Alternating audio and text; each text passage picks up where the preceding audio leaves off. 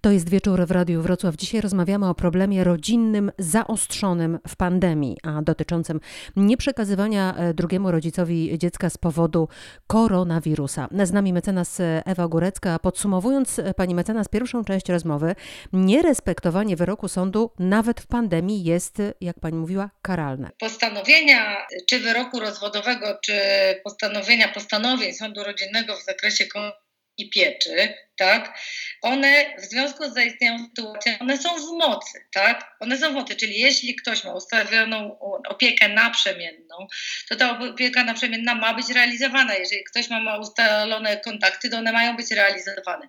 Natomiast chodzi tutaj tylko o to, że nie ma instrumentów prawnych do tego, żeby w takich okolicznościach, jakie zaistniały, wyegzekwować swoje uprawnienia albo uprawnienia wynikające z orzeczeń w legalny sposób. Gdyby mogła Pani podsumować te kroki, które formalnie, prawnie można przedsięwziąć, gdy rodzic nie może się porozumieć z drugim rodzicem i nie widzi się z dzieckiem na przykład od kilku tygodni. Czyli powinno się złożyć wniosek do sądu rejonowego o zagrożenie ukaraniem karą grzywny takiego rodzica, który tych kontaktów nie przestrzegał. Wtedy sąd przeprowadza postępowanie, wydaje orzeczenie, które to orzeczenie brzmi, że zagrozić ukaraniem karą grzywny pani XY, tak, kwotą taką i taką złotych za każdy, nie, za, za każdy przypadek nieprzestrzegania postanowienia. I proszę sobie wyobrazić, że to działa na przyszłość, nie wstecz tak? Mhm. Czyli po na przykład czterech czy pięciu miesiącach nieprzestrzegania e, wchodzimy na salę rozpraw, dochodzi do rozprawy, która zwykle nie e, kończy się na jednym posiedzeniu i e, sąd wydaje takie orzeczenie. To orzeczenie właśnie tak brzmi, tak jak powiedziałam.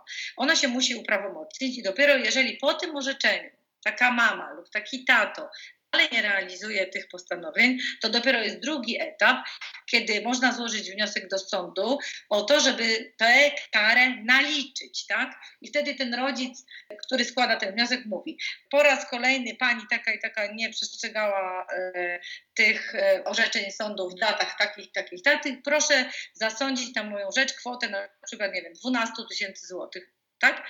Tylko proszę zobaczyć, że ponieważ to pierwsze orzeczenie działa jak gdyby na przyszłość, tak, to tak naprawdę bezkarnym absolutnie pozostaje rodzic, który w czasie pandemii tego dziecka nie wydaje.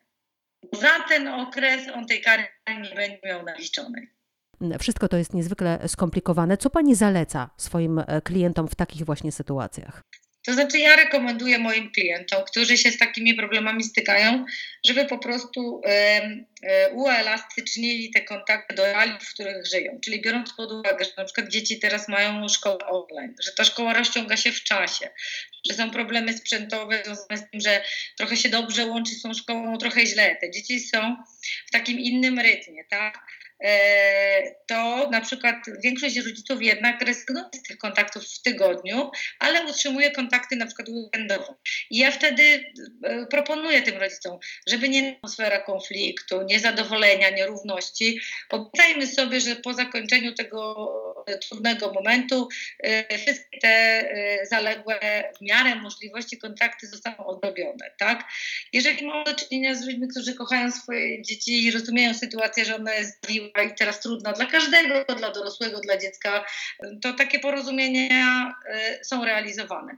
Znam rodziców, którzy świetnie działają pomimo niechęci wzajemnej do siebie, w, nadal w takim systemie powiedzmy tydzień na tydzień czy pięć dni na pięć dni i sobie radzą. Natomiast no, tam, gdzie są takie ugruntowane, odwieczne, bardzo długie e, wojny, to one tylko przybrały. Nie zauważyłam, żeby wśród tych rodziców, którzy zawsze jakoś w miarę zdroworozsądkowo podchodzili do sprawy, była jakaś taka skrajna reakcja. Jednak najczęściej jest tak, że taka, e, że taka skrajna reakcja jest u tych, u których po prostu ta, ta agresja i ten brak wzajemnej współpracy i porozumienia w zakresie wychowania dzieci i opieki nad nimi trwa już dłuższy czas.